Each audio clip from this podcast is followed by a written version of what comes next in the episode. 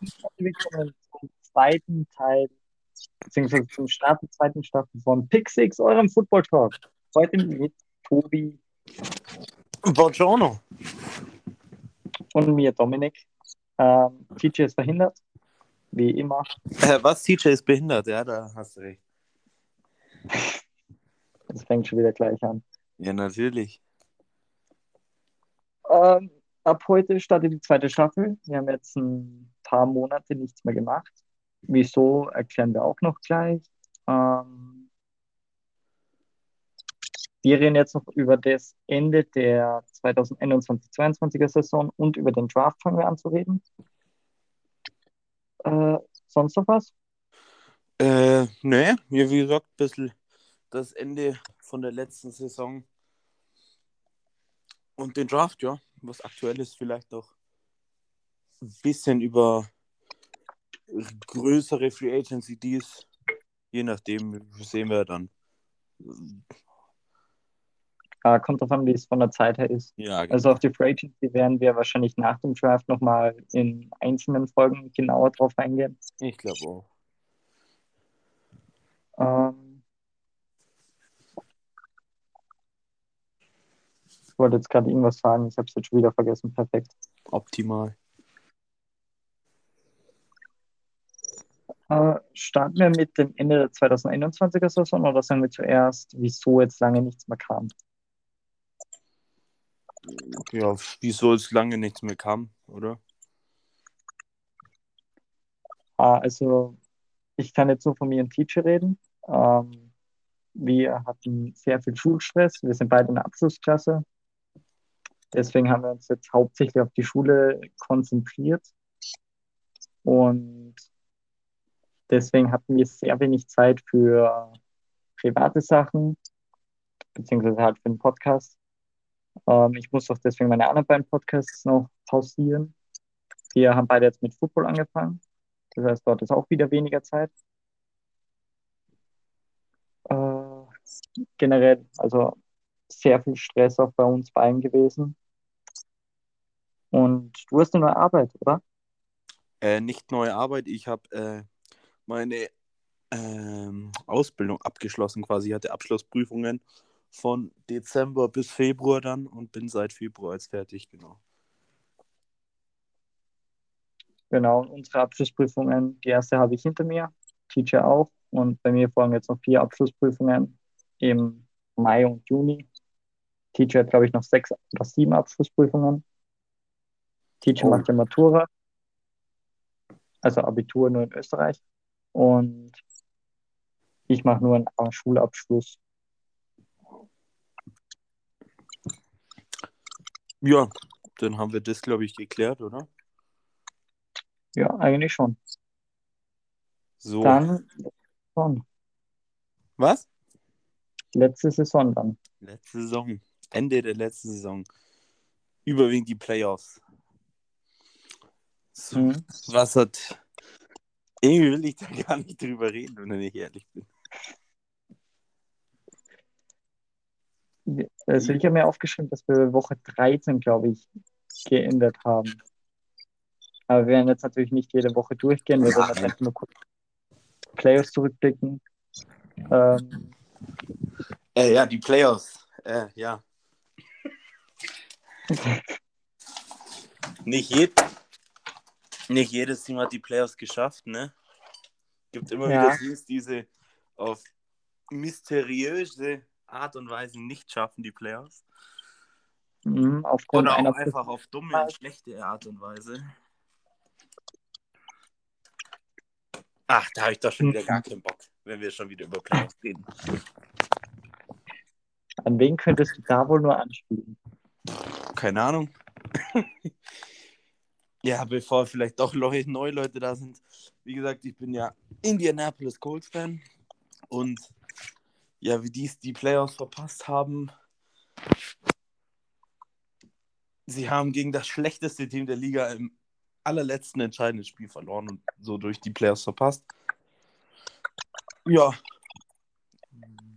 Der Schmerz sitzt noch tief, muss ich, muss ich ehrlich sagen. Aber ansonsten müsstest du doch eigentlich mit den Playoffs zufrieden sein, oder? Am Ende der Verlauf der Playoffs wiederum war ich dann sehr zufrieden, ja, natürlich. Ja, ich fand die Playoffs eigentlich auch gut. Klar, Wildcard-Rounds waren jetzt nicht gerade so spannend, wo es da vier Blowouts gab und eigentlich nur zwei spannende Spiele. Ja. Aber trotzdem bin ich sehr zufrieden. Alle meine vier Lieblingsteams sind in die Playoffs reingerutscht. Auch wenn drei davon direkt im ersten Spiel komplett verkackt haben. Cardinals, Packers. Ja, Raiders waren okay gegen die Bengals. Aber alles in allem bin ich zufrieden. Also die Chiefs sind nicht in den Super Bowl gekommen. Ähm, die Bengals sind bald gekommen. Matthew Stafford, einer meiner drei Lieblingsspieler, hat seinen verdienten Ring endlich mal bekommen.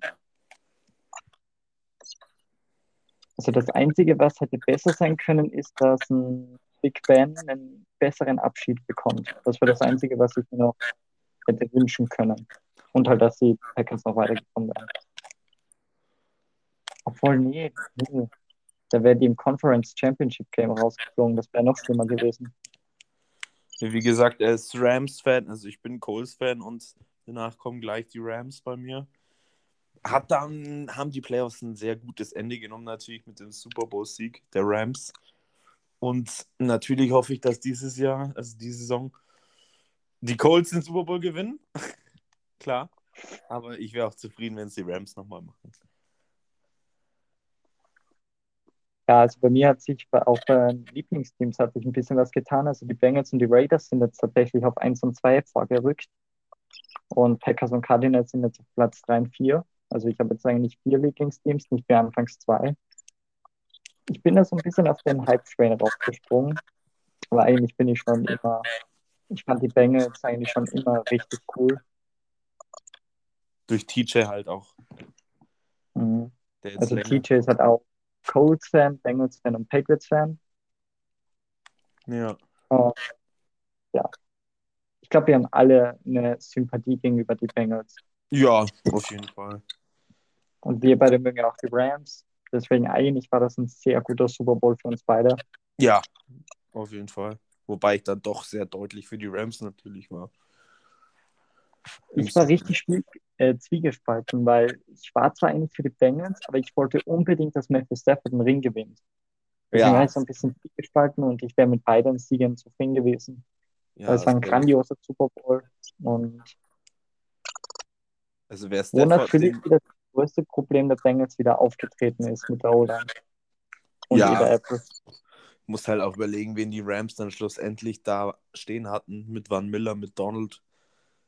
Allein mhm. einer von denen hätte schon wahrscheinlich, was heißt gereicht, einer von denen äh, bringt die O-Line genug zum Schwitzen und wenn du halt zwei von solchen Leuten hast, ist halt abartig. Aaron Donald hebt die, hebt die O-Line eigentlich schon im Alleingang aus.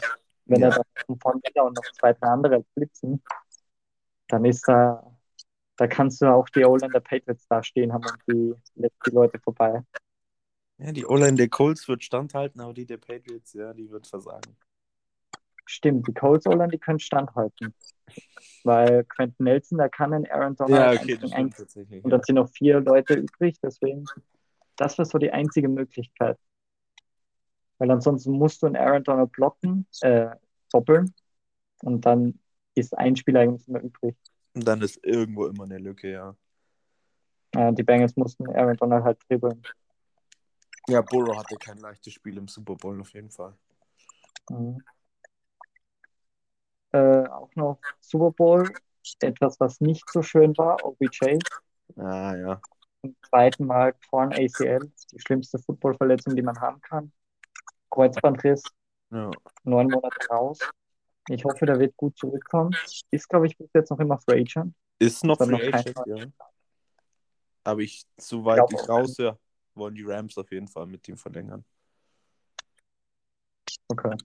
Was ist das Rams? Was haben die Rams schon wieder für ein Team? Ich verstehe nicht, wie die noch mal Capspace haben können. Jetzt ist Van Miller weg. Dafür holen sie einfach einen der besten Midline-Backer, die wir haben der Liga.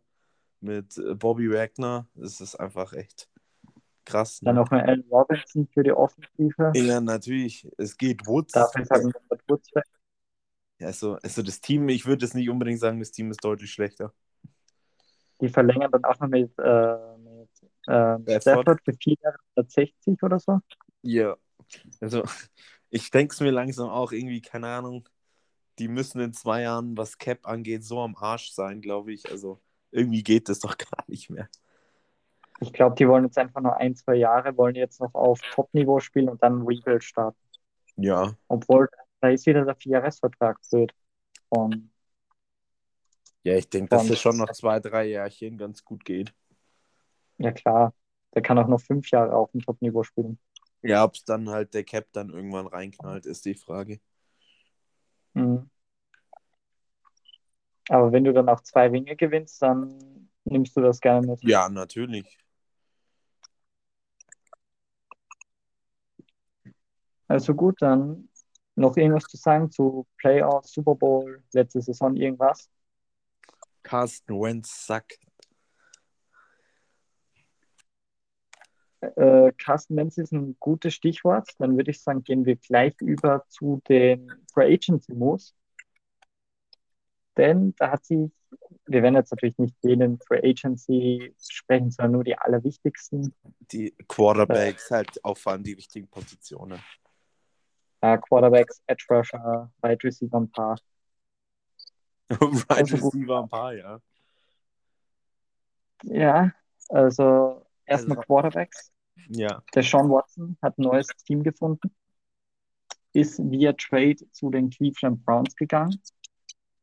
Äh, Verlängerung werden wir jetzt auch nicht durchsprechen. Äh, weil wir gerade über Carson Wentz gesprochen haben, der ist über einen Trade zu den Washington Commanders gegangen. Da haben die Colts einfach Dafür- mal ganz kurz Washington komplett abgezogen. Dafür hat, hatten, haben sich die Colts direkt danach äh, von den Falcons Matt Ryan geholt. Dafür haben die Falcons dann Marcus Mariota verpflichtet. Genau. Ähm, Texans bleiben beim Mills. Mayfield ist noch immer in Cleveland. Ähm, es gab noch einen Blockbuster-Trade zwischen den Seattle Seahawks und den Denver Broncos. Russell Wilson geht zu den Broncos. Dafür gehen Drew Lock, ähm, Shelby Harris, ein Defensive End und Titan No offense. zu den Seahawks. Plus wie viel Plus First? noch einige. Ich glaube, zwei First Rounder, ein Second Rounder und noch zwei, drei Late Picks. Aber das Abartig, was da nach, nach Seattle ist. Schon krass. für einen 34-jährigen Quarterback allem. Ja. Ja, gut, aber Wilson hat noch halt noch, was heißt easy, vier, fünf Jahre auf Top-Niveau. Ja, klar. So gut. Ist das jetzt alles zum Thema Quarterbacks? Ich schaue nochmal kurz durch. Äh, ben, Big Ben hat seine Karriere beendet, könnte man auch sagen. Ähm, Mitch Trubisky ist zu den Steelers gegangen. Müssten alle neuen Starting Quarterbacks sein. Ja, ich überlege gerade auch, ob noch irgendwas Quarterback-mäßiges war. Äh, Nee, Kyler Murray möchte einen neuen Vertrag. Sonst will er ja nicht spielen oder so, was ich gelesen habe. Ja, ich würde sagen, das machen wir erst in der nächsten Episode. Ja, das war bloß so ein Teaser, Ja. wenn wir gerade bei Quarterbacks waren. Wird das zu lange, wenn wir dann noch sagen würden, ja, Aaron Rodgers einen neuen Vertrag, Kirk Cousins, Derek Carr, Stafford, Ja, wird das viel zu lange dauern. Running Backs gab es eigentlich kaum etwas. Also die Dolphins haben sich verstärkt mit Chase Edmonds und Raheem Mostert. Aber ansonsten gab es eigentlich nichts. Ist von den Colts zu den Texans weg. ja. Jakob Johnson ist von den Patriots zu den Raiders gegangen, weil die Patriots Fullbacks nicht mehr benötigen, laut Aussage von Johnson. Tja, das ist eigentlich alles. Ja, jetzt kommen So, wir halt zu Receivern, oder? Oder willst du Edge Rush erst machen? Gehen wir zuerst die Offense durch. Ja. Also Receiver gab es einiges. Wir haben ja schon gesagt, Robert Woods von den Rams zu den Titans. Dafür haben sich die Rams von den Bears Aaron Robinson geholt. Das waren aber nicht die größten Receiver, die, wir, die den Verein gewechselt haben. Und zwar Amari Cooper geht erstmal von den Cowboys zu den Browns und ist die neue Waffe von Deshaun Watson. Tyreek Hill geht von den Chiefs zu den Dolphins. Devontae Adams geht von den Packers weg zu den Raiders. Ähm, Devontae Parker geht von den Dolphins zu den Patriots. Kirk. Juju Schuster von den Steelers zu Chiefs. Ja, Kirk geht zu den Jaguars. Der hat einfach diesen kompletten Receiver-Markt kaputt gemacht. Das ist viel zu teuer. Viel Nachdem zu ich, teuer. wie viel, wie viel kriegt der? 18 Millionen? Ja, ja, 18. Boah. Für Kirk. 37 Das war, für nicht drei mal, Jahre. das war ja nicht mal, das war ja nicht mal der Receiver One. Nee, das war das Receiver dritte. 3. Ja. Hinter AJ Green und Hopkins. Mhm. Ich habe keine Ahnung, was. Also, das hat den Receiver-Markt gefickt. Und natürlich denkt sich dann ein Tyreek Hill, Bruder, der verdient so viel wie ich und ist ein dritter Receiver, dann will ich 30 Millionen. Und so hat's. So hat man Und diesen die kompletten. Receiver-Markt einfach komplett kaputt gemacht. Ja, komplett gestört. Also ein Signing kann den gesamten Receiving-Markt komplett zerstören. Das hat man in diesem Jahr gesehen. Christian Kirk hatte, hatte der eine 1000 Jahre Saison? Eine, glaube ich, oder? Nee, ich glaube nicht mal einer. Nicht mal eine. Was, was, was, Äh, ich bin eh immer nebenbei in Pro Football Reference drin, wie Christian Kirk hatte. Seine beste Saison war jetzt eh 2021 mit 982 Yards. Du musst überlegen, der hatte Michael Pittman Jr. einen Zweitrunden-Pick in seinem zweiten Jahr ein besseres Jahr.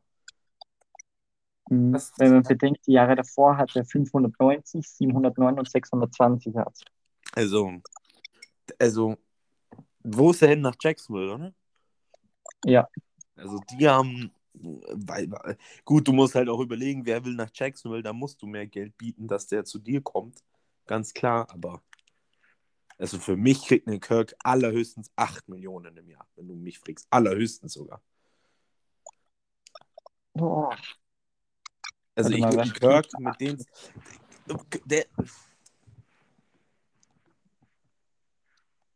also für mich, äh, es gibt Receiver, die für unter 10 Millionen spielen, die deutlich besser sind, meiner Meinung nach. Äh, 8 Millionen ist ein bisschen zu wenig, also über 10 würde ich ihm schon geben. Ah. Äh, Wenn man jetzt bedenkt, 8 Millionen hat jetzt zum Beispiel ein Tibor Hilton oder ein Cole Beasley verdient. Und das sehe ich gerade bei beiden drüber. Weil er hatte jetzt keine schlechte Saison, das waren schon knapp 1000 Yards. Wenn Aber die Jahre Hilton davor nicht waren halt verletzt gewesen hätte, hätte er besser gespielt wie Kirk. War Hilton mal lang verletzt. Aber zum Beispiel 10 Millionen verdient Will Fuller. Und ich würde jederzeit einen Kirk über einen Fuller nehmen. Ja gut, dass Fuller auch nicht ins Team passt, war uns vor der Saison auch klar. War der Aber falsche trotzdem-. Trotzdem mehr als ein Adam Thielen. Ja, mehr aber als knapp ein 20 Mio. Das ist trotzdem krass. Aller, allerhöchstens zwischen 10 und 11. Oder allerhöchstens 12. Aber knapp 20. Ja, 10 bis 12 würde ich sagen. Aber 20 fast. Was ist das? Ist, so viel kriegt Matt Ryan. Das ist ein Quarterback. Das ist komplett bescheuert. Ähm, Titans habe ich gerade schon nachgeschaut, gab es eigentlich nichts. Also CJ Usoma ist von den Bengals zu den Jets gegangen. Ja, das wird der beste Äh, Tag gewesen sein, oder? Ja, kann ich nicht schon. Jared Everett gibt es sonst noch. Der ist jetzt bei den LA Chargers. Der funktionieren nächstes Jahr mit dem Justin Herbert. Aber ansonsten gab es nichts. Offense Doyle ist halt, wahrscheinlich retired oder ist retired bei den Colts. genau. Ah, O-Line müssen wir jetzt eigentlich hier nicht durchgehen. Dann kommen wir zu den Edge Rushern. Edge Rushern gab es nämlich einiges. Khalil Mack geht von den Bears zu den Chargers. Von Miller geht von den Rams zu den Bills. Cedarius Smith von den Packers zuerst zu den Ravens. Hat dort eigentlich schon unterschrieben, geht dann aber trotzdem zu den Vikings. Keiner Oh. weiß wieso. Chandler Jones cool. von den Cardinals zu den Raiders. Yannick Ngakwe von den Raiders zu den Colts. Via Trade. Mhm. Hassan Reddick von den Panthers zu den Eagles. Gibt es sonst noch jemanden? Al-Kadin Muhammad geht von den Colts zu den Bears. Wer geht von den Colts zu den Bears? Äh, Muhammad, Ja, Rusher. Das finde ich auch sehr, sehr schade. Für das Geld hätten wir auch behalten können. Mhm. 1,2 Millionen. Ja. Nicht mal. Und der hatte sein Career High letztes Jahr, glaube ich, mit 6 oder 5 Sacks. Also Der war So sehr stark. Rotational Player war das bockstark, ja. ja. Randy Gregory unterschreibt zuerst bei den Cowboys, geht dann aber trotzdem zu den Broncos. Keine Ahnung, was die Edge Rusher davor haben alle. Das müssen alle gewesen sein, alle wichtigen. Ja, alle wichtigen. Shelby Harris halt noch zu den Seahawks. Äh, gab's, äh, Linebacker gab es halt eigentlich nur Bobby Wagner, glaube ich. Ja, und das ist halt mit einer der besten. ist zu den Rams, haben wir aber auch schon Ja, angesprochen. Jordan Hicks. Jordan Hicks halt noch von den Cardinals zu den Vikings. Stimmt. Ist sonst Mike noch Jackson Jaguars zu den Steelers. Offensive Liner? Ist eigentlich namenswert auch für Terrence Armstead von den Saints zu den Dolphins, oder? Dolphins, ja. Ja. Oder ist Die noch Bengals haben drei O-Liner gesigned. Ja, die Bengals, die wussten, was die Baustelle ist und die haben sie gut gestopft. Vielleicht noch einen Guard im Draft holen, in Runde 1 oder 2. Die, die, die, diese, dieses O-Line-Problem ist noch immer nicht. Das ist noch immer nicht gelöst. Ja, ich sag mal so, einen Guard holen. Vielleicht in der ersten oder in der zweiten Runde. Dann sieht die O-Line aber schon recht gut aus, muss ich sagen. Und die Das Receiver, die Receiver sind kein Problem bei den Bengals. Vielleicht noch ein bisschen Tight End. Nee, da haben wir jetzt Hayden Hurst. Ah, stimmt, Hurst geholt. Ähm, also ich verstehe die Leute nicht, die sagen, ja, die Bengals haben jetzt kein O-Line-Problem mehr. Wir hatten letztes Jahr zwei gute O-Liner. Das war einmal Riley Wright und einmal Quinton Swain. Wir haben drei neue O-Liner geholt für die drei O-Liner, die letztes Jahr kacke waren. Und Riley Wright und Swain sind jetzt beide weg. Das heißt, wir haben jetzt drei gute O-Liner und nicht immer zwei, die kacke sind. Von letzter Saison. Also wir brauchen noch immer zwei O-Liner und einen Cornerback.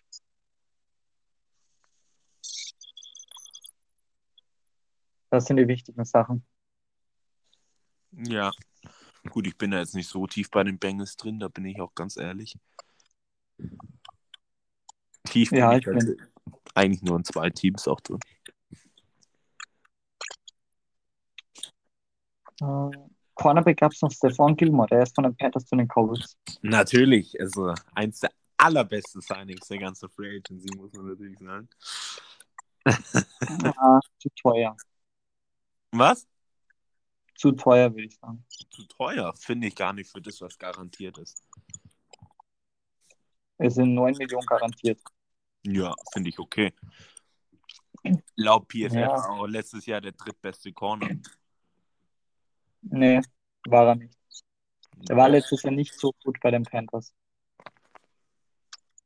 Also wenn man sich die Spiele angeschaut hat, dann war er nicht gut. Klar, er ist ein Defensive Player of the Year.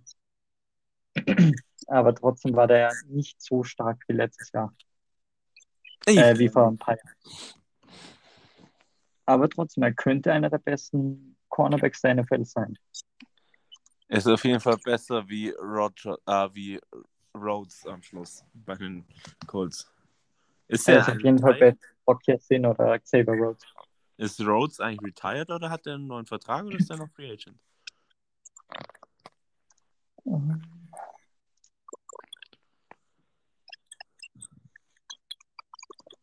Xavier Rhodes hat einen neuen Vertrag. Wo? Äh, Coach. Colts? Nein. Hier steht, also bei Pro Football Reference steht, dass er von 2020 bis 2022 bei den Colts ist. Haben wir den letztes Jahr einen Zweijahresvertrag gegeben? Nein.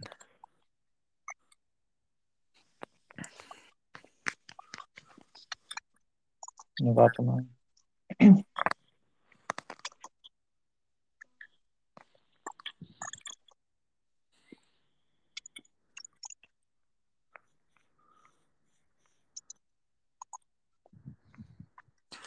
Nee, also er ist ja auch nicht mehr gelistet. Hm. Ich schaue auch gerade. Nee, ist Agent. Weiß ich nicht. Ja, der soll sich verpissen. Ja. Ist Free Agent. Okay. Gut. Dann sind jetzt hoffentlich die wichtigsten Sachen durchgegangen. Ja, ich denke.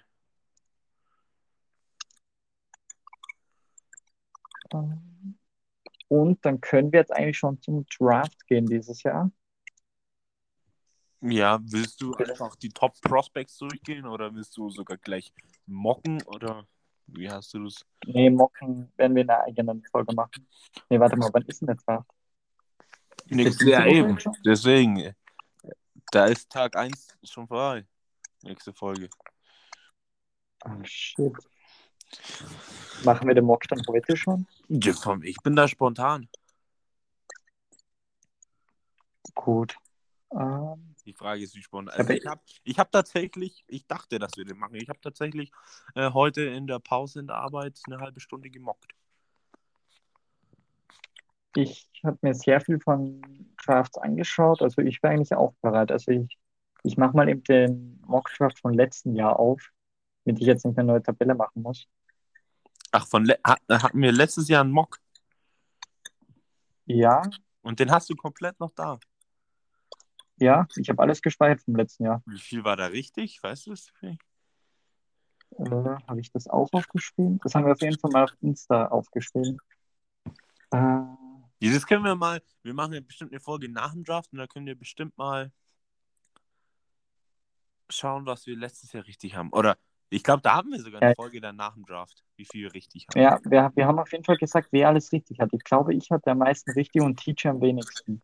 Wechseln wir uns dann ab von Picks 1 bis, also immer abwechselnd, oder? Dass ich zuerst eins mache, dann du eins, dann du zwei, dann ich zwei und so. Ja, da kann halt dann sein, dass von meinem Mock du schon davor einen pickst, aber da muss ich halt dann mal ein bisschen ausweichen.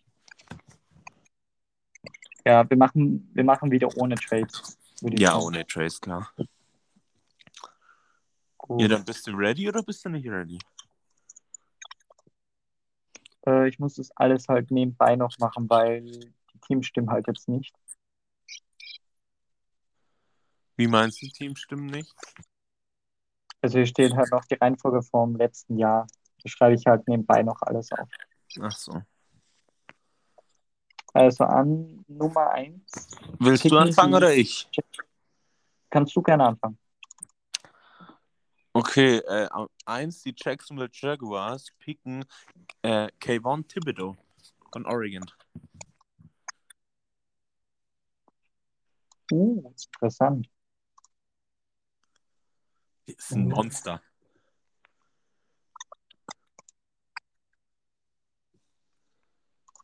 Fuck, warte mal. Hier. Wirft es jetzt ein bisschen den Plan auseinander. Ich, dachte, ich dachte, nächste Woche wäre noch nicht der Draft, deswegen. Also, okay. So. Ähm, an Nummer eins. Gott, das wird komplett Katastrophe werden. Was? Äh, an Nummer 1 habe ich den meiner Meinung nach besten Spieler im gesamten Draft. Und zwar habe ich da Aiden Hutchinson. Ach, du pickst jetzt dann nicht die zwei. Wir, wir picken beide, beide immer, oder wie? Dachte ich schon, oder? Ach so, ich Oder- dachte jetzt abwechseln. Wie du willst, das können wir entweder abwechseln oder jeder tippt für sich Pick für Pick durch. Ich würde sagen, wir picken Pick für Pick und dann schauen wir im Nachhinein, wer mehr richtig hatte.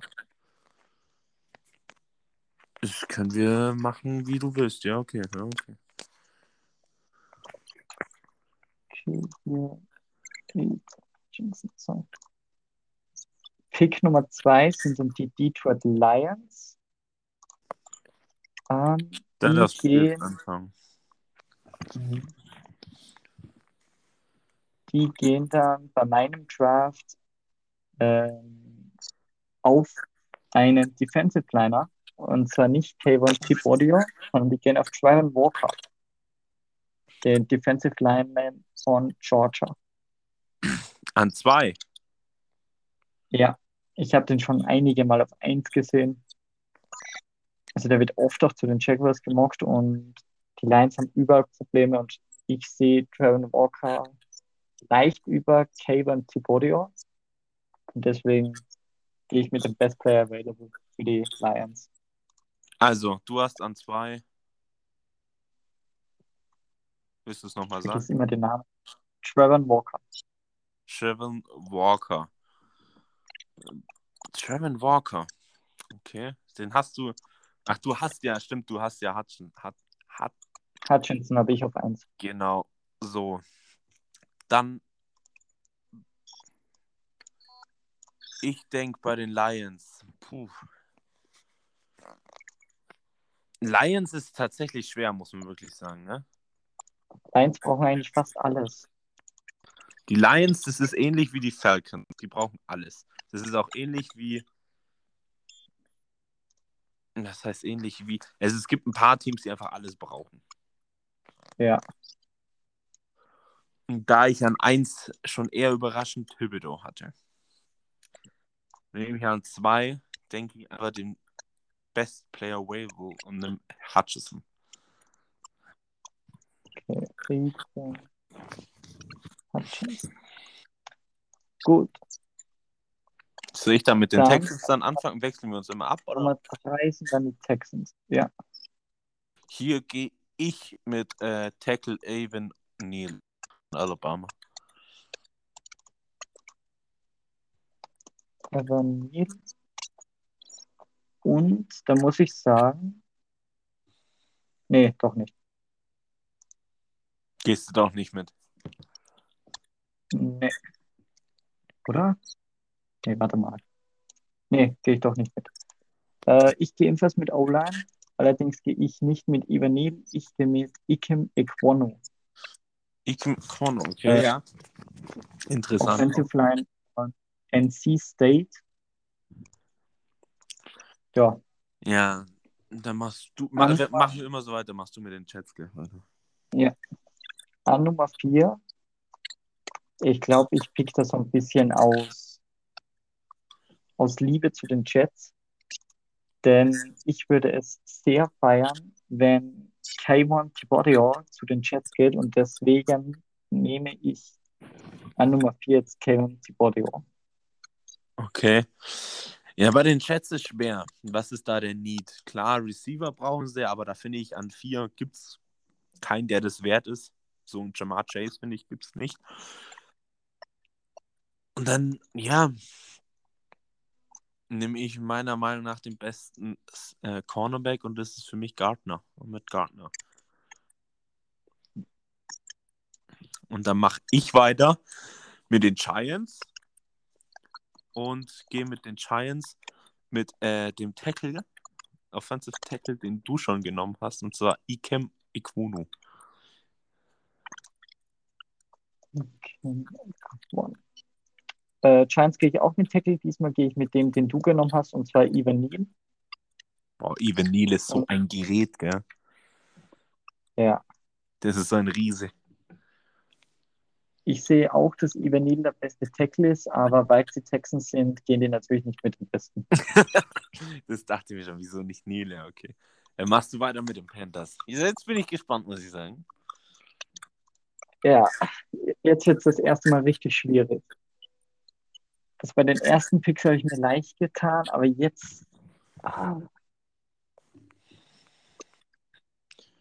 ich, also, wenn ich der Panthers GM wäre, aber ich mag ihn eigentlich nicht. Also, ich sehe nicht, dass Kenny Pickett auf Position 6 Value, also er hat nicht den Value von dem 6. Overall Pick. Aber Nee. die Panthers, die unbedingt einen Quarterback. Und Kenny. Pickett ist halt schon der Beste. Ist deine Meinung? Okay. Deswegen gehe ich mit Kenny Pickett.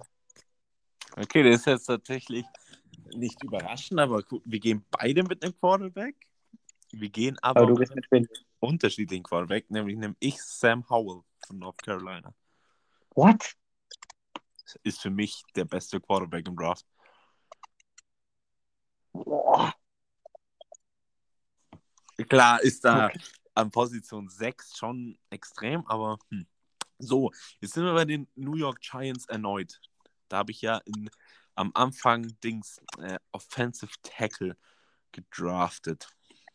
Die Frage ist, was ich mir vorstellen kann, weil einfach das Best Player Available meiner Meinung nach und das könnte die Giants zum so einem brutalen Defensive Back machen, nämlich nicht Cornerback, sondern Safety Cale Hamilton. Ist eine absolute Maschine und das Defensive Field von den Giants wäre krass, muss man sagen. Gute Cornerbacks, eins der stärksten Safety Duos wäre das vermutlich und ja, finde ich geil. Das ist ein sehr, sehr starker Pick. Ähm, ich gehe diesmal auch mit Defense, aber nicht mit einem Safety, sondern mit einem Cornerback und zwar jemanden, den du schon genommen hast, und zwar mit Ahmad Gardner. Gardner, okay. Ist, finde ich, mit Abstand der beste Cornerback. Ja, war bei mir Und- auch Cornerback 1, ja. Passt eigentlich, eigentlich passt er zu gut zu den Giants. Ja, ich habe ja auch, ich habe jetzt keinen Cornerback, ich habe Safety, aber ja. Backfield, ja. So, machst du weiter mit den Falcons. Was hast du da? Die brauchen auch Nummer- alles. Acht sind jetzt die Falcons. Ich glaube nicht, dass sie auf Quarterback gehen, weil die Quarterback-Klasse nächstes Jahr besser ist als dieses Jahr. Ähm, deswegen glaube ich, gehen sie mit Best Player Available, weil sie brauchen einfach alles. Und Best Player Available, jetzt muss man ganz kurz gucken. Wer ist denn Best Player Available? Gibt jetzt ein paar. Jetzt fängt langsam an, finde ich, wo man die ersten zwei, drei Receiver nehmen kann. Wir haben noch einen verdammt guten Tackle, zwei gute Corner, zwei Edge Rusher, die noch okay sind. Also Ja. da kannst du eigentlich schon. Das mit dem Corner, das hat mich überzeugt. Ich gehe mit dem zweiten Corner im Draft und zwar Derek Stingley, Cornerback von LSU. Sehr stark. Ich gehe ebenfalls nicht mit Quarterback bei den Falcons. Und ich finde ein Projekt ganz gut. Ich glaube, die Falcons wissen, dass sie nächste Saison oder die Saison scheiße sein werden und nächstes Jahr wieder recht früh picken und da einen Quarterback nehmen. Und man muss meiner Meinung nach der Abstand, wirklich hat einen Abstand. Allerbeste Receiver im Draft ist James Williams. Allerdings hat, ist der noch verletzt und wird Training Camp mäßig noch nicht spielen können und auch erst zur Mitte der Saison wirklich spielen können. Deswegen nehme ich James Williams und dann haben sie nächstes Jahr mit einem neuen Quarterback, den sie dann draften und mit einem verdammt guten Receiver gleich mal eine sehr starke Offense. Jetzt kommt das nächste Saisonkind, da darf ja ich weitermachen. Die Seahawks. Ich sehe da, Da bin ich auch Jahr, ich sehe da dieses Jahr kein Quarterback und da noch ein verdammt guter Tackle da ist, nämlich Charles Cross. Mississippi. Boah, wie weit fällt denn bei mir Stingley? Das ist schon krass eigentlich. Das ist mir jetzt gar nicht so Ja, ich habe ihn auch als 8 genommen. Das ist eigentlich schon, der geht.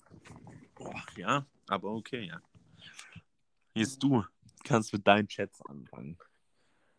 Nee, ich bin jetzt erstmal auch mit den Seahawks dran. Ah, stimmt, sorry, sorry. Die Seahawks. Ähm, ich glaube, die werden dasselbe machen wie die Falcons. Ich glaube, die nehmen hier noch keinen Quarterback. Und ich habe eigentlich den gleichen Pick wie du. Ich gehe auch mit Charles Cross. Auch mit Ist der Charles. beste O-Liner available.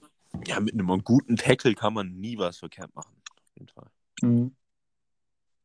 Jetzt darfst du aber weitermachen mit deinen Chats. So, Jets. Mit, bei den Jets gehe ich mit dem besten, also Jets, der zweite Pick.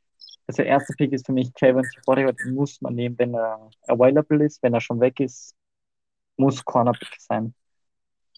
An 10, da bei mir jetzt Thibodeau gefallen ist, wäre dann entweder eine Idee Cornerback, Safety oder Wide Receiver. Also Kyle Hamilton ist zwar noch da, aber ich gehe da mit meinem Lieblings-Wide Receiver in diesem Draft und zwar mit Drake London. Die Jets haben auf jeden Fall einen riesen Need auf Cornerback, aber ich habe ja schon an vier Gardner hin. Einerseits wäre es krass, wenn sie dann auch noch Stingley holen und dann einfach in Pick 4 und 10 zwei kranke Corner draften wird, aber denke ich auf keinen Fall passieren. Da haben wir tatsächlich den gleichen Pick, habe ich auch Derek London. Oh. Die Washington Commanders. Jetzt geht langsam eigentlich so der Riesen-Need. Also, was heißt der Riesen-Need? Aber Cornerback. Der, wie weit fällt bei mir Stingley? Das, das wird nie passieren, aber okay, ist ja ist eh egal. Die Commanders, die brauchen O-Line, aber eher Interior Center Guard mäßig. Also eher nicht Tackle. Quarterback steht hier ist Need, aber der Carsten regelt es schon. Und ich sehe da, hm, ich sehe da, ein Receiver weiß ich nicht. Ich finde das Receiver-Core gar nicht so schlecht. Und vielleicht ist es auch ein bisschen zu früh. Aber ich nehme Tyler Lindebaum. Sender von Iowa. Ich liebe den Spieler. Und das Ja, Need ist da, aber Elf ist schon früh, ja. ist schon früh. Aber jeden Fall-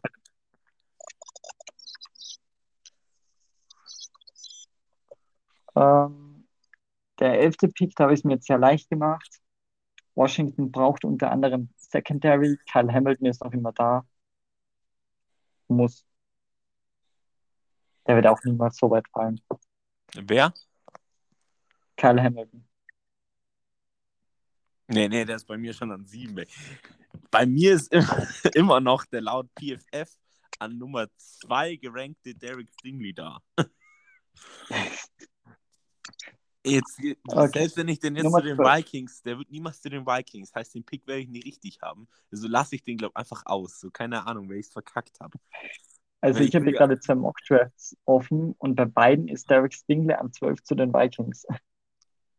Derek Stingley geht in zweiter Runde zu den Colts.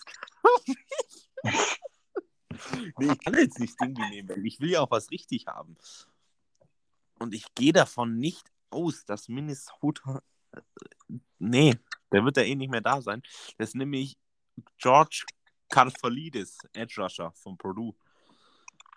Edge können die auf jeden Fall gebrauchen.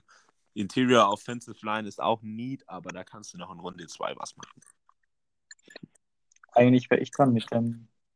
Egal. Sicher? Scheiße, stimmt. Ja, machst du also den wen hast du? Äh, Karfali Carla Fites, oder wie man den ausspricht. Äh, Von- George Kalafdis. Ja, genau. Den Namen, den muss ich abschreiben. äh, ich gehe mit der gleichen Position. Ähm, ich gehe auch mit dem Edge Rusher. Allerdings ist da noch ein Edge Rusher da, den ich besser finde. Und Wer? der hört auf den Namen Jermaine Johnson II. Okay. So, warte mal, jetzt, jetzt muss ich nochmal anfangen, oder? Ja, fang du einfach nochmal an, ja. Oh Gott, die Texans. Oh, Texans ist schwierig, die brauchen eigentlich auch Ja, die Fast brauchen alles. Was hast du beim ersten Pick auch Tackle, gell? äh, Ikem Ekwonu. Ja, und Tackle. Ja, ich weiß, glaube ich, was ich da draft. Boah, das ist schwierig. Wen gibt's denn noch? Jamison Williams wäre noch da. Quarterback, Edge. Hm. Das ist schwierig. Ich glaube, ja, Ich gehe mit Cornerback. Nee, fuck, ich habe die, ich hab die Picks vertauscht. Fuck, ich habe die Picks vertauscht. An 12 bei den, zu den Vikings habe ich Trent McDuffie. Okay. Und hier habe ich Dings. Und hier habe ich jetzt Jermaine Johnson. Also Trent McDuffie bei mir 12 zu den Vikings und dann 13. Dann 13 zu den Texans habe ich dann Jermaine Johnson. Das ist doch irgendwas habe ich falsch. Okay. Bei den Texans, ja, die brauchen alles.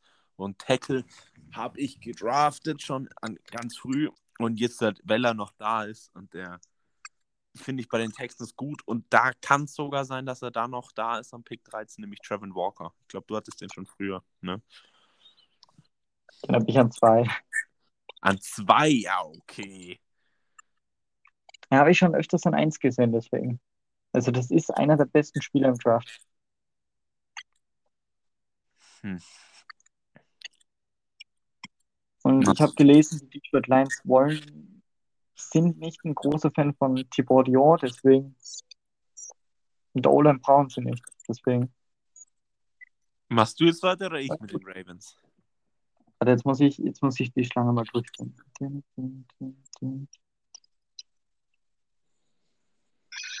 Ne, jetzt bin ich dran. Ich glaube auch, ja. Ja, jetzt bin ich dran. Ähm, Baltimore. Ich habe da einen Pick, den ich richtig mag, einfach. Wer ist denn der beste O-Liner available? Trevor Penning. O-Line. Okay. Ja. Ich glaube, die können O-Line gebrauchen. Ich gehe da mit, Also Tackle auf jeden Fall. ich gehe da mit, ne- mit dem ersten Defensive Tackle und das ist das Monster aus Georgia, äh, Wade.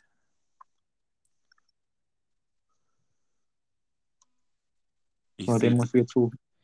den musst du suchen. Ach, Devonte Wirt. Was? Devonte Wirt, der mit Y geschrieben wird. Watt, ja genau.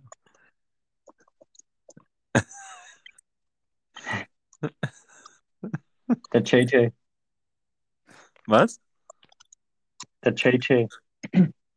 Genau, der JJ. Äh, jetzt mache ich aber weiter mit Eagles, oder? Ja, stimmt. Genau. Eagles, äh, Defensive Back Trent McDuffie. Weil was da im Defensive Back rumläuft bei den Eagles ist momentan die Frechheit. Die müssen da was machen. Ähm, erster Pick von den Eagles ist bei mir ein Wide Receiver. Ich überlege jetzt noch gerade, ob ich jetzt mit Jamerson Williams gehe oder Chris Olave, Garrett Wilson, Traylon Burks. Ähm, Äh, die nächsten drei Picks finde ich sehr leicht irgendwie. Also die Saints haben ja, die Saints haben ja 16 und 19. Wenn man da jetzt an 16 und 19 quasi richtigen Spieler hat, aber 16 und 19 vertauscht, würde ich sagen, zählt es trotzdem das Punkt. ja, dasselbe mit den Eagles. Ja, genau. Ich weiß nicht, welcher Wide Receiver. Bei den Saints? Chris Olave, Garrett Wilson. Musst du sagen. Was gibt es noch auf Cornerback? Nee, Cornerback schaue ich später. Äh, Stingley ist Ähm. noch da bei mir. Ich gehe mit Garrett Wilson. Okay, ja, dann mache ich es genau anders und gehe mit Chris Olave. Wo jetzt Eagles? Ach, du bist noch bei den Eagles. Scheiße. Ja, ich bin bei den Eagles. Ah, ich dachte, wir sind schon bei den Saints. Nee, äh, hast bei den Saints gehe ich jetzt auch mit Chris Olave. Oh, da haben wir jetzt den gleichen Pick. Ja, mach Ja, ich habe überlegt, welchen Spiel. Warte mal. Nee, jetzt musst du. Jetzt bin ich. Ja. Äh, Chargers. Chargers brauchen auch. Ja, da ist noch Stingley da, aber das kann ich jetzt nicht machen. Äh, ich nehme. Receiver sehe ich nicht bei den Chargers.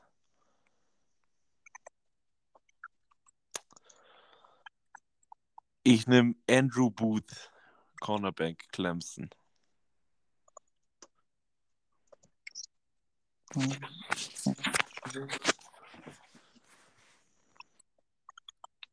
Gut. Wide Receiver sehe ich auch nicht. O-Line sehe ich nicht. Was brauchen denn die? Gibt es einen Linebacker? Defensive Line? George Kalafdis wäre noch da.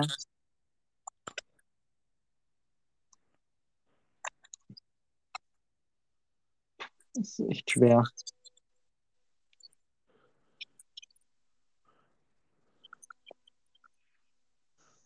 Ich gehe ich, ich geh mit Sion Johnson. Offensive Guard. Sion Johnson, ja, Boston College, guter, guter Guard. Mhm. Jetzt machst du wieder weiter. Eagles, Eagles muss ich jetzt mit Cornerback gehen, auf jeden Fall. Und der beste Cornerback available ist Andrew Booth, deswegen gehe ich mit dem. Ja, ich habe ja an 15 Trent McDuffie schon Cornerback gegeben, deswegen gehe ich hier einfach mit einem Need von den Eagles und mit einem Projekt, weil er sich zu einem Monster entwickeln kann. Äh, Linebacker Floyd. Devin Floyd. Weil den muss ich jetzt versuchen. Linebacker. Ich muss ja eh weitermachen mit den Saints, ne? Ich finde nicht. Achso, hier. Devin Floyd von Utah. Wer ist jetzt wieder dran? Ja. Jetzt bist du. Jetzt bin ich, genau. Äh, Saints, da habe ich aber im ersten Pick Receiver gepickt und ich finde es ganz logisch, dass jetzt einfach der Bernhard Reinmann kommt, der Tackle. Ah, Den sehe ich bei den Saints einfach zu 100 Prozent. der Reimann. So. Äh, Saints bin ich auch mit Wide Receiver gegangen. Klar, da haben wir den siebten Pick. Äh, muss ich eigentlich auch mit O-Line gehen. Aber ich gehe nicht mit, mit Reimann. Ich gehe mit. Wen gibt es noch?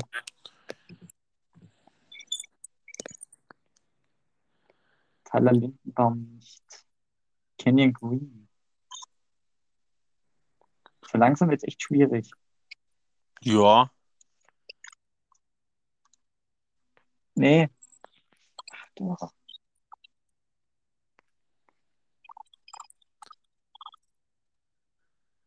Wen gibt es denn sonst noch? Nee. Ach nee, Wide Receiver habe ich ja schon. Ich Idiot.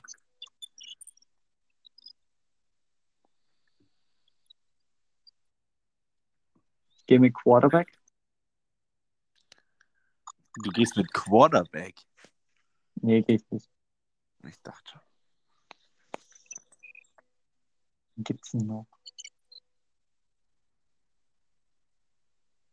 Ja, ich muss gehen mit Kenyon Green. Das ist der beste Offensive Tackle. Also ich hoffe, dass er Offensive Tackle ist. Wir stehen in der O-Line. Äh, du machst weiter mit Pittsburgh, oder? Pittsburgh Steelers sind an Position 20 und dort wäre möglich Quarterback. Dort, warte mal, wie viele Quarterbacks habe ich denn schon gegeben? Erst einen, oder? Du, wir haben beide erst einen, oder? Du hast Howell und ich picke zu den Pa- Panthers und ansonsten noch keinen. Ja. Dann gehe ich jetzt mit Malik Willis. Äh, ich gehe auch mit Quarterback. Ich gehe von Pittsburgh zu Pittsburgh. Kenny Pickett. Sehe ich eigentlich, muss ich sagen. So, die Patriots brauchen wieder recht viel. Was heißt recht viel?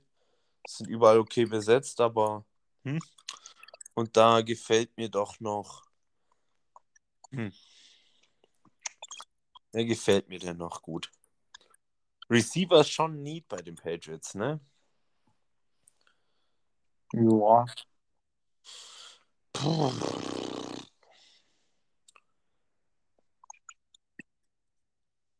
Ich nehme es einfach, weil ich es kann, nämlich Dean, den zweiten Linebacker.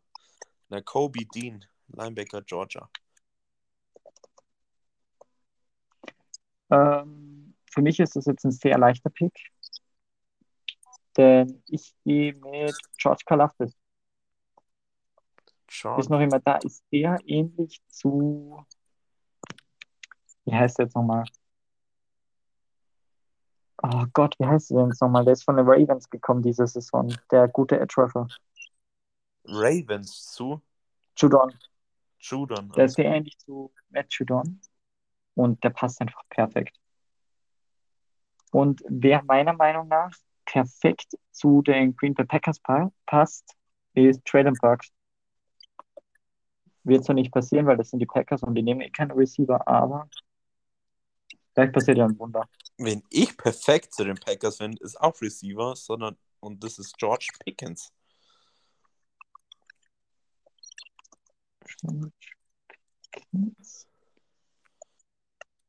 So die Cardinals, die brauchen Interior Offensive Line, die brauchen aber auf jeden Fall eigentlich auch Pass Rush, die brauchen aber auch Defensive Tackles. Aber ich gehe, ich glaube, du hast ihn schon genommen, Zion Johnson, Guard. Mhm. Der geht bei mir zu den Cardinals. Oh Gott, das finde ich wieder sehr schwierig. Ja, ja, das ist auf jeden Fall schwer. Oh, den habe ich ja komplett übersehen. Ich habe komplett Tyler Linderbaum übersehen, deswegen gehe ich mit dem jetzt. Tyler Lindebaum. Der geht bei Ja. mir schon an 11. Ja, den habe ich jetzt gerade entdeckt. Okay. So, geschrieben. So, Dallas Cowboys. Du bist. Mhm. Bräuchten eigentlich auch Interior Offensive Line. Ja, Mhm. Aber die brauchen auch, Es gibt keinen mehr. die brauchen beides, O-Line und D-Line. Ja, dann gehe ich mit Boye Mafe. Nee, ich gehe mit Devontae Wyatt. Den gibt's auch noch. Okay, ich gehe mit Jordan Davis, Defensive Liner, Georgia. Sehr viele Defensive-Spiele von Georgia, angemerkt. Mit wem? Mit wem? Äh, mit Jordan Davis, Defensive Liner von Georgia.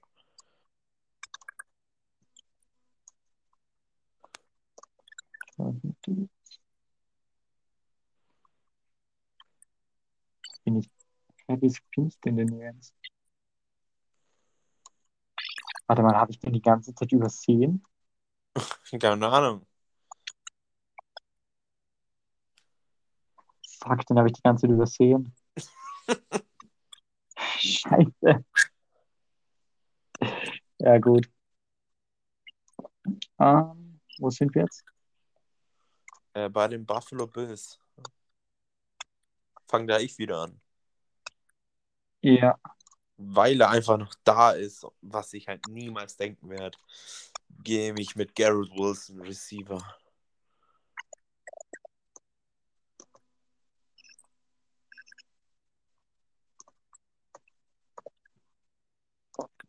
Ähm, hier gehe ich mit oh Gott, äh, Brees Hall, Running Back. Running Back. Ist somit die einzige Position, wo die Bills wirklich nicht so gut aufgestellt sind. Ich Und da habe ich schon die nicht. Fans.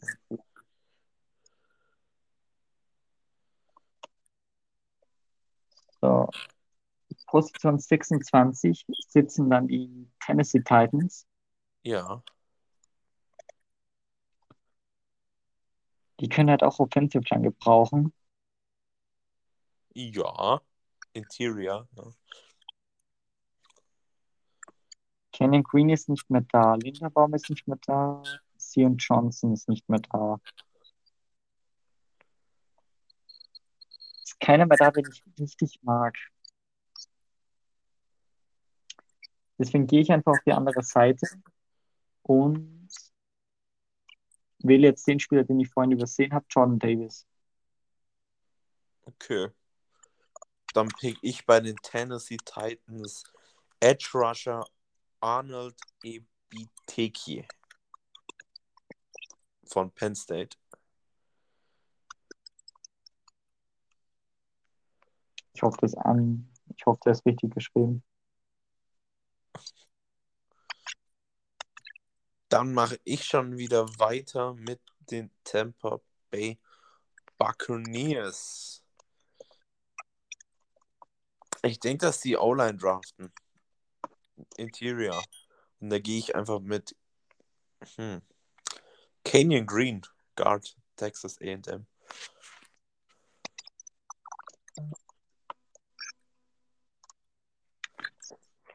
Äh, ich gehe mit Kyler Gordon, Defensive Back. Ist eigentlich ein Alleskönner in, in der Secondary und wird das Team verstärken können. Ja, So, darfst du gleich mit den Packers weitermachen.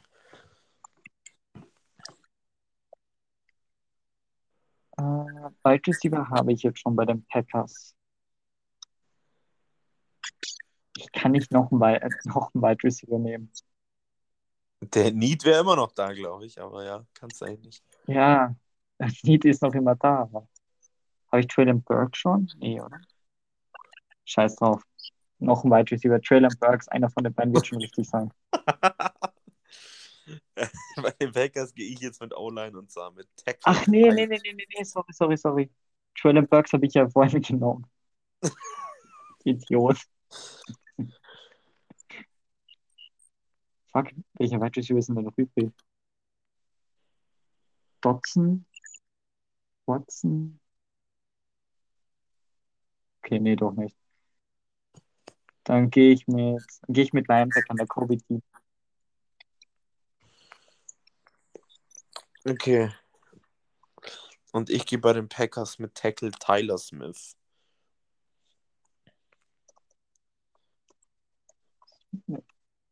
So, Kansas So. City. Kansas City Chiefs. Nehme ich Sky Moore, Receiver.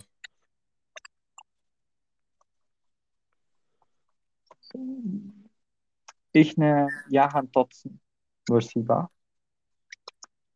Ja. Und der zweite Pick von den Chiefs ist dann.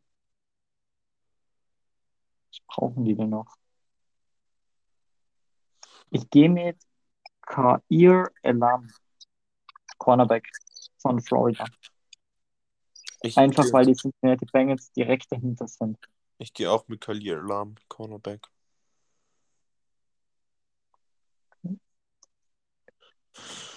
So. Äh, äh, Cincinnati Bengals, wie gesagt, wie wir auch schon besprochen haben, Interior Offensive Line. Leider ist da Value-mäßig nicht mehr so viel da. Ich denke, dass da vielleicht auch ein Backtrade geben wird. Deswegen ist es gerade sehr schwer. Äh, Was die Bengals vielleicht auch noch brauchen könnten, wäre. Ja, können die Bengals Safety brauchen? Safety kannst du immer brauchen.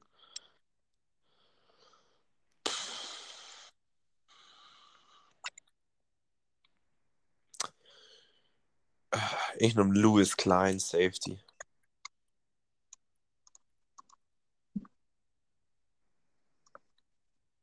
Noch nie gehört, aber egal. äh, ich gehe, der Pick ist eigentlich nur Pick, weil ich ihn so haben will. Bernhard Reimann ist mein Traumpick für die, Pa- für die Bengals. Das ist jetzt Fan-Pick. Was? Und am Ende noch die Bernhard, Lions. Bernhard Reimann. Das ist mein Favorite Pick für die Bengals. Den habe ich halt an 19 schon, ne? Ja. Und Was ist Pick Nummer der- 32. Desmond Ritter. Desmond Ritter, ich habe Malik Willis, auch Cornerback. So, das war ja ganz interessant, würde ich sagen. Das war schrecklich. Ich glaube, da wird nicht viel kommen. Hast du eigentlich von uns beiden die Picks aufgeschrieben oder nur deine? Ja, klar. Von uns beiden. Deswegen war ich auch die ganze Zeit so verwirrt. Les, lädst du den auch auf Instagram vor dem Draft noch hoch? Ich werde meinen Draft komplett neu machen. Ja, das geht nicht, du kannst ihn ja nicht ändern, wie in der Folge ist.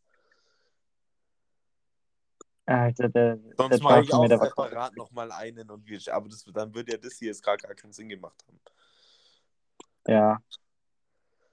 Ich werde den auf jeden Fall so hochladen. Okay, besser ist es. Ja, weiß, der Draft ist eh unberechenbar. Mhm. So, hast du noch Also was? Jahr habe ich besser gefühlt. Was? Letztes Jahr habe ich mich viel besser gefühlt mit meinem Draft. Ja, ich ich mich glaube auch. Weil letztes Jahr auch wegen den guten Quarterbacks das viel leichter war, finde ich. Ja, Jared Lawrence, Zach Wilson, dann Kyle Pitts an 4, Jason Sewell. Da war schon viel klar irgendwie, ja. Es war klar, welche Teams auf Quarterbacks gehen werden.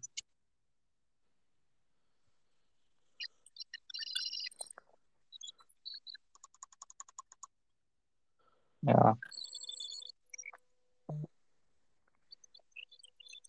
So, was willst du noch machen? Oder wären wir jetzt durch für die erste Folge in Staffel 2? ich glaube, wir sind durch. Also ich habe nichts mehr viel geplant. Ich auch nicht mehr. Jetzt haben wir den Draft recht besprochen. Letzte Saison ein bisschen die Free Agency. Und dann können wir in der nächsten Folge Vollgas anfangen mit der neuen Saison. Mhm. Ja, dann freut es mich, dass es geklappt hat, heute aufzunehmen, die zweite, die zweite Staffel, erste Folge. Ich hoffe, ihr seid auch wieder dabei in der zweiten Staffel. Und ja, mir hat es gefallen und wünsche allen Zuhörern noch einen restlichen schönen Tag, restlichen Abend, gute Nacht, keine Ahnung, wann ihr den Pod hört. Jo, ciao. Ja, auch von mir. Vielen Dank fürs Zuhören. Es wird diese Folgen jetzt einmal wöchentlich geben, das haben wir vergessen am Anfang zu sagen. Immer samstags. Und viel mehr habe ich auch nicht zu sagen. Also tschüss und bis zum nächsten Mal.